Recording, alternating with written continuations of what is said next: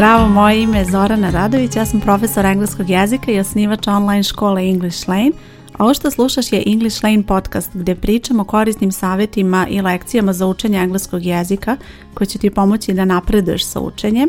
U ovoj lekciji pričat ću o glagolima be i do i ti glagoli su veoma česti u engleskom jeziku i vrlo je bitno da naučiš kako pravilno da ih upotrebiš u rečenici.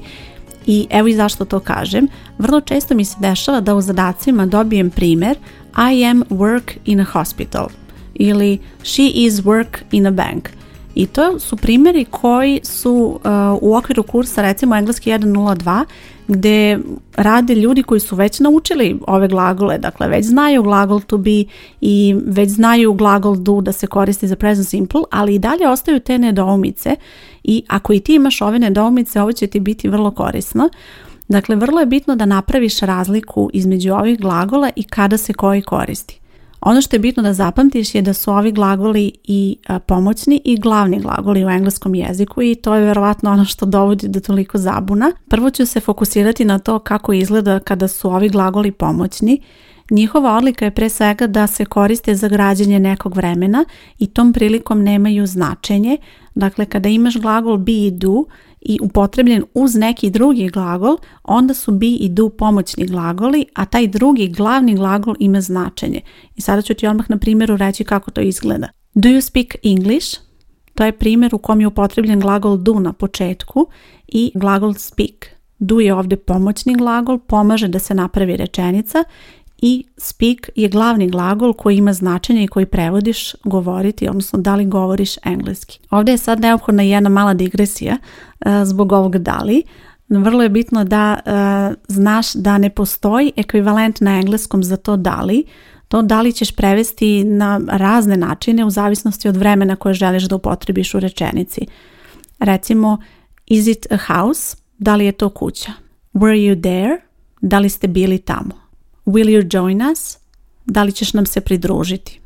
U svim mojim rečenicama ja sam upotrebila potpuno različita vremena i svuda sam rekla da li u prevodu. Dakle, vrlo je bitno da zapamtiš da to da li tebi neće uopšte pomoći kada je u pitanju engleski i nije ti nikakav pokazatelj da li ćeš upotrebiti do ili be ili bilo koji drugi glagol. Ono što treba da gledaš je vreme koje je upotrebljeno i na osnovu toga ti moraš da znaš koji pomoćni glagol se koristi za to vreme. Evo još jedan primjer kada je sad glagol to be pomoćni. I'm reading a book. Ja čitam knjigu. Ovo I'm nema značenje, to je pomoćni glagol I am, ovo am je oblik glagola to be, read je glavni glagol koji ima značenje. Druga situacija je kada glagoli be i do mogu biti glavni glagoli i sada ću ti isto navesti nekoliko primjera. Dakle, to su situacije kada ovi glagoli imaju svoje značenje. They are tired, odnosno they are tired. To je situacija kada ćeš upotrebiti glagol to be da opišeš kako se neko osjeća. Oni su umorni. Generalno kada opisuješ nekoga ili nešto, vrlo često koristiš glagol to be koji naravno može biti u sadašnjem ili u prošlom vremenu i e, oblici su kao što verovatno si do sada i naučila am, is ili are za sadašnje vreme i was, were za prošlo vreme. Drugi primjer gdje je glagol do glavni glagol glasi ovako She does the exercises every morning. Svako jutro ona radi vežbe. Dakle, ovdje imamo radi, does, to je oblik glagola do zato što je upotrebljeno she, subjekat rečenice je she, e, da je bio subjekat rečenice you, onda bi bilo do. I sad još jedna situacija kada glagoli be i do mogu biti i pomoćni i glavni glagoli u jednoj rečenici. To je isto nešto što zna vrlo često da zbuni. Obrati pažnju na ovaj primjer. He didn't do it. On nije to uradio. He didn't do it. Didn't to je pomoćni glagol do u prošlom vremenu, a zatim imamo do kao glavni glagol raditi. On nije to uradio. Didn't do it. to je moguće da znaš, moguće je da upotrebiš do kao pomoćni i kao glavni glagol.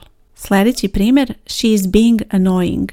Ovdje je glagol be upotrebljen kao pomoćni glagol, to je is, na početku i onda imamo being, odnosno be sa nastavkom ing zato što je present continuous vreme, ali poenta je da je upotrebljen glagol be i na mestu pomoćnog glagola i na mestu glavnog glagola. I za kraj ću ti navesti nekoliko primjera koje sam vidjela i koje sam ispravljala i koje ću objasniti dakle zašto je došlo do tih grešaka i kako treba pravilo da napišeš rečenice Prva je ova koju sam pomenula na početku, I am work in a hospital. To mi se često dešava da vidim kada treba neko da prevede rečenicu, ja radim u bolnici. To je bila rečenica koju je trebalo prevesti. Ja radim u bolnici i u toj rečenici potrebno je samo da upotrebiš glagol work. Kada je u pitanju present simple, u potvornim rečenicama nije potrebno koristiti pomoćni glagol i svakako nije potrebno koristiti glagol to be, jer glagol to be se ne koristi za present simple. Dakle, I work in a hospital, to je tačna rečenica. Druga rečenica koju sam ispravila je Where does my new dress? Obrati pažnju, ako upotrebljavaš glagol do kao pomoćni glagol, neophodno je da imaš i drugi glagol u rečenici. U ovom slučaju tog glagola nema. Ovdje je samo upotrebljen glagol do, odnosno does u ovom obliku i ovaj glagol ne može da stoji ovako samostalno na taj način i rečenica nije tačna. Ovdje treba da se upotrebi glagol be, where is my new dress? glagol to be može da stoji samostalno ovako kada je glavni glagol i ta rečenica znači gdje je moja nova haljina. Where is my new dress? I sljedeći treći primjer. The weather didn't rainy and windy, so we played outside. To je rečenica koju je neko napisao u zadatku pisanja gdje je trebalo da se opišu neki događaji iz prošlosti i neko je želeo da napiše kakvo je vrijeme bilo i upotrebljen je glagol did, a to nije tačno u ovoj rečenici kao što sam i ranije rekla kada opisuješ nešto i kada opisuješ ljude, situacije pa i u ovom slučaju vreme najčešće ćeš upotrebiti glagol be postoje neki drugi glagoli ali to sada nije bitno dakle glagol be je veoma koristan za opisivanje i pošto se ovdje radi o prošlom vremenu bit će upotrebljen oblik was The weather wasn't rainy and windy so we played outside tako glasi tačna rečenica. Da rezimiramo, glagoli be i do su veoma važni u engleskom jeziku i vrlo često se koriste, čak i ako nisu glavni glagoli, oni su vrlo često pomoćni glagoli i neophodno je da ih naučiš, da naučiš da ih pravilno i sa sigurnošću koristiš u rečenicama. I još jednom ću te podsjetiti, dakle, ovi glagoli mogu biti i pomoćni i glavni i vrlo je bitno da napraviš razliku, da prepoznaš kada je glagol pomoćni, to kada pomaže da se napravi neko vreme, kada nema značenje i druga situacija kada je glagol glavni, odnosno kada ima značenje i u tom slučaju se to značenje i prevodi. Kada imaš zadatak da prevedeš neku rečenicu na engleski jezik ili ako radiš zadatak pisanja, vrlo je bitno da obratiš pažnju da li si lepo upotrebila ove glagole i moj savjet je da tom prilikom uvijek napišeš ono što misliš da treba da, kako treba da glasi rečenica, a onda se vratiš na to i onda pogledaš da li si lepo upotrebila glagol, koji glagol je tu pomoćni, koji je glavni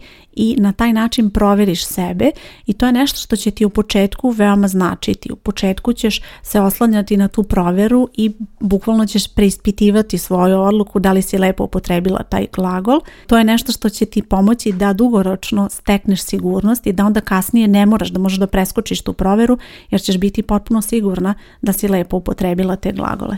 Za kraj imam jedan praktičan zadatak za tebe. Zadatak je da prevedeš ove rečenice na engleski jezik koristeći sve ovo što si naučila u ovoj epizodi, dakle potrebno je da upotrebiš glagole be i do. Preslušaj rečenice koje ću ja ovdje reći i napiši taj prevod na engleskom na nekom papiru i onda ćeš na kraju ove stranice gdje slušaš podcast imati rješenja da možeš da provjeriš da li si lepo uradila a ukoliko si član škole u okviru stranice gdje slušaš podcast u školi bit će direktno link ka zadatku tako da možeš da mi pošalješ zadatak da ja to pogledam i eventualno ti pošaljem neke sugestije ukoliko imam. I evo kako glase primjeri. Da li je to tačno? Ona radi u banci. Da li razumeš pitanje? Mi pričamo o tom filmu. Gde radiš?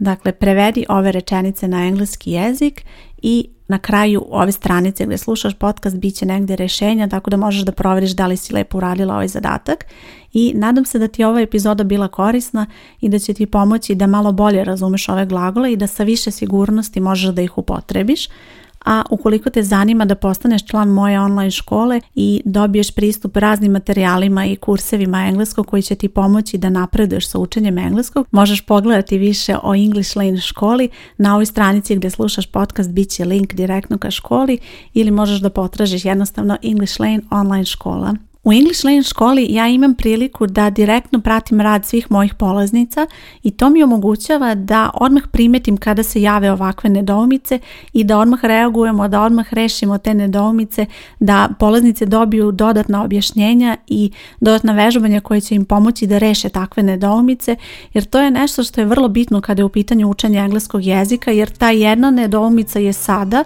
kako nastaviš dalje sa učenjem engleskom, bit će još neka i tako se redom to nagomi i onda ako imaš previše takvih dilema jednostavno u jednom trenutku više nećeš moći da napreduješ sa učenjem engleskog. Ukoliko nisi član English Lane škole, a želiš da to postaneš, pogledaj link na ovoj stranici ili ukucaj English Lane online škola, učlani se i kreni sa nama sa učenjem. Ja sam Zorana Radović i čujemo se u sledećoj epizodi. Ćao!